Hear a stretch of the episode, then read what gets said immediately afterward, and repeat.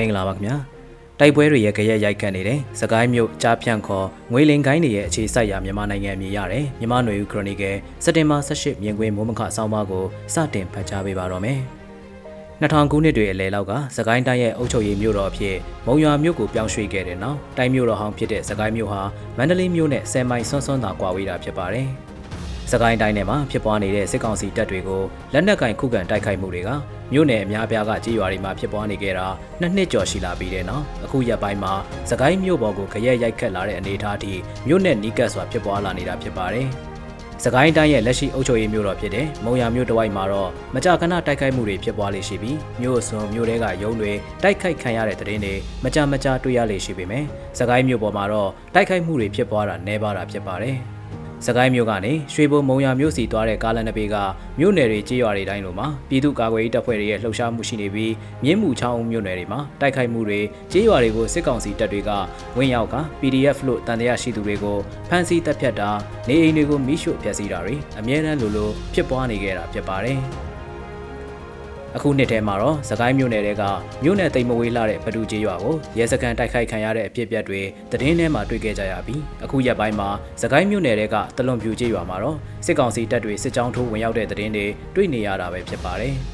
ဒူရဲဦးတယောက်နဲ့ဇနီးဖြစ်သူတပ်ဖြတ်ခံရတဲ့ကိစ္စနဲ့ဆက်နွယ်ပြီးကြေးရွာကိုစစ်ကောင်စီတပ်တွေဝင်ရောက်တာတို့လည်းသတင်းဖော်ပြမှုတွေမှာဖော်ပြထားပြီးစစ်ကောင်စီတပ်တွေကကြေးရွာသား9ဦးတပ်ဖြတ်ခဲ့တယ်လို့သတင်းထဲမှာဖော်ပြထားကြပါတယ်။ ပြီးခဲ့တဲ့နှစ်ကတည်းကစကိုင်းမြို့ရဲ့အစောကောင်းမှုတော်ဘုရားကြီးကြော်လွန်သွားရင်စစ်ကောင်စီတပ်တွေကောင်းကောင်းမထိန်ချုပ်ထားနိုင်တော့တဲ့သဘောမျိုးဖြစ်တယ်လို့ဒေသခံတွေရဲ့ပြောဆိုမှုအရသိရတာဖြစ်ပါတယ်။သို့ပေမဲ့အခုကာလလောက်တိုက်ခိုက်မှုတွေနဲ့လှုပ်ရှားမှုတွေနီးကပ်စွာဖြစ်ပွားတဲ့တရေမျိုးမကြားသိခဲ့ရပဲအခုရက်ပိုင်းမှာစကိုင်းမြို့ပေါ်အထိတိုက်ခိုက်မှုတွေဖြစ်လာမလားဆိုတော့စိုးရိမ်မှုတွေထွက်ပေါ်လာပြီးနောက်မြို့ပေါ်မှာအသွာအလာနှဲပါသွားတဲ့သဘောပဲဖြစ်ပါတယ်။ ဒီနေ့ပုံနောက်ထပ်သတင်းအကြောင်းအရာတစ်ခုကတော့တရုတ်ဘာသာစကားနဲ့ကြားဖြန့်လို့ခေါ်ဆိုတဲ့အွန်လိုင်းပေါ်ကနေငွေလိမ်တဲ့ရာဇဝတ်ဂိုင်းတွေမှာပါဝင်နေသူတွေကိုတရုတ်နိုင်ငံနဲ့မြန်မာစစ်ကောင်စီတို့ပူးပေါင်းနှိမ်နင်းနေတယ်လို့သတင်းတွေမှာပါရှိပြီးတရုတ်နိုင်ငံနဲ့နယ်နိမိတ်ထိစပ်နေတဲ့ဝကိုပိုင်အုပ်ချုပ်ရေးဒေသကိုကန့်ကိုပိုင်အုပ်ချုပ်ရေးဒေသတို့မှာလူထောင်ကနန်းနဲ့ချီဖမ်းဆီးကတပ်ဆိုင်ရာတရုတ်နိုင်ငံကိုပြန်လည်လွှဲအပ်တဲ့အကြောင်းအရာပဲဖြစ်ပါတယ်။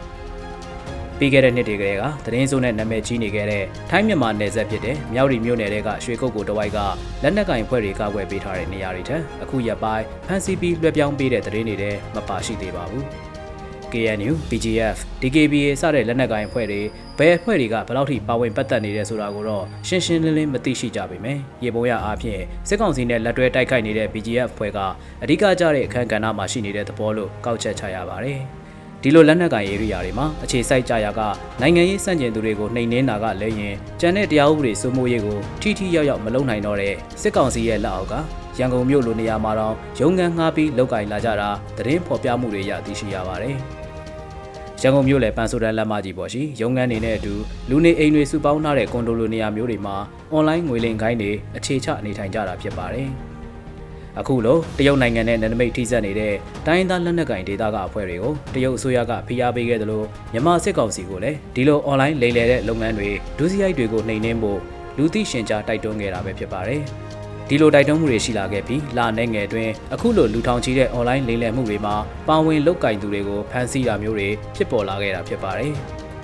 ဒီအဖြစ်အပျက်ကမြန်မာစစ်ကောင်စီနဲ့မြန်မာနိုင်ငံနယ်စပ်ကတိုင်းဒေသလက်နက်ကိုင်အဖွဲ့တွေပေါ်တရုတ်နိုင်ငံရဲ့ဩဇာတက်ရောက်မှုကိုထင်ရှားစွာတက်တည်ပြလိုက်တဲ့နောက်ထပ်ဖြစ်ရတစ်ခုလည်းပဲဖြစ်ပါတယ်။ အွန်လိုင်းကတစဉ်ငွေလိမ်လဲတဲ့ရာဇဝတ်ဂိုင်းတွေဟာအိန္ဒိချင်းနိုင်ငံတွေနဲ့အရှေ့တောင်အာရှဒေသနိုင်ငံတွေမှာတရားဥပဒေစိုးမိုးမှုအတိုင်းအတာတစ်ခုထိရှိနေတာကြောင့်လက်နက်ကင်တိုက်ပွဲတွေနိုင်ငံရေးပြဿနာတွေနဲ့လုံးမန်းနေရပြီးတရားဥပဒေစိုးမိုးမှုစိုးဝါးစွာကျဆင်းနေတယ်။ငွေပေးရင်ဘာမဆိုလောက်ကင်ခွင့်ပြုတဲ့လက်နက်ကင်အဖွဲ့တွေစိုးမိုးရာဒေသတွေမှာလာရောက်အခြေစိုက်ဖို့ရွေးချယ်ကြတာဖြစ်ပါတယ်။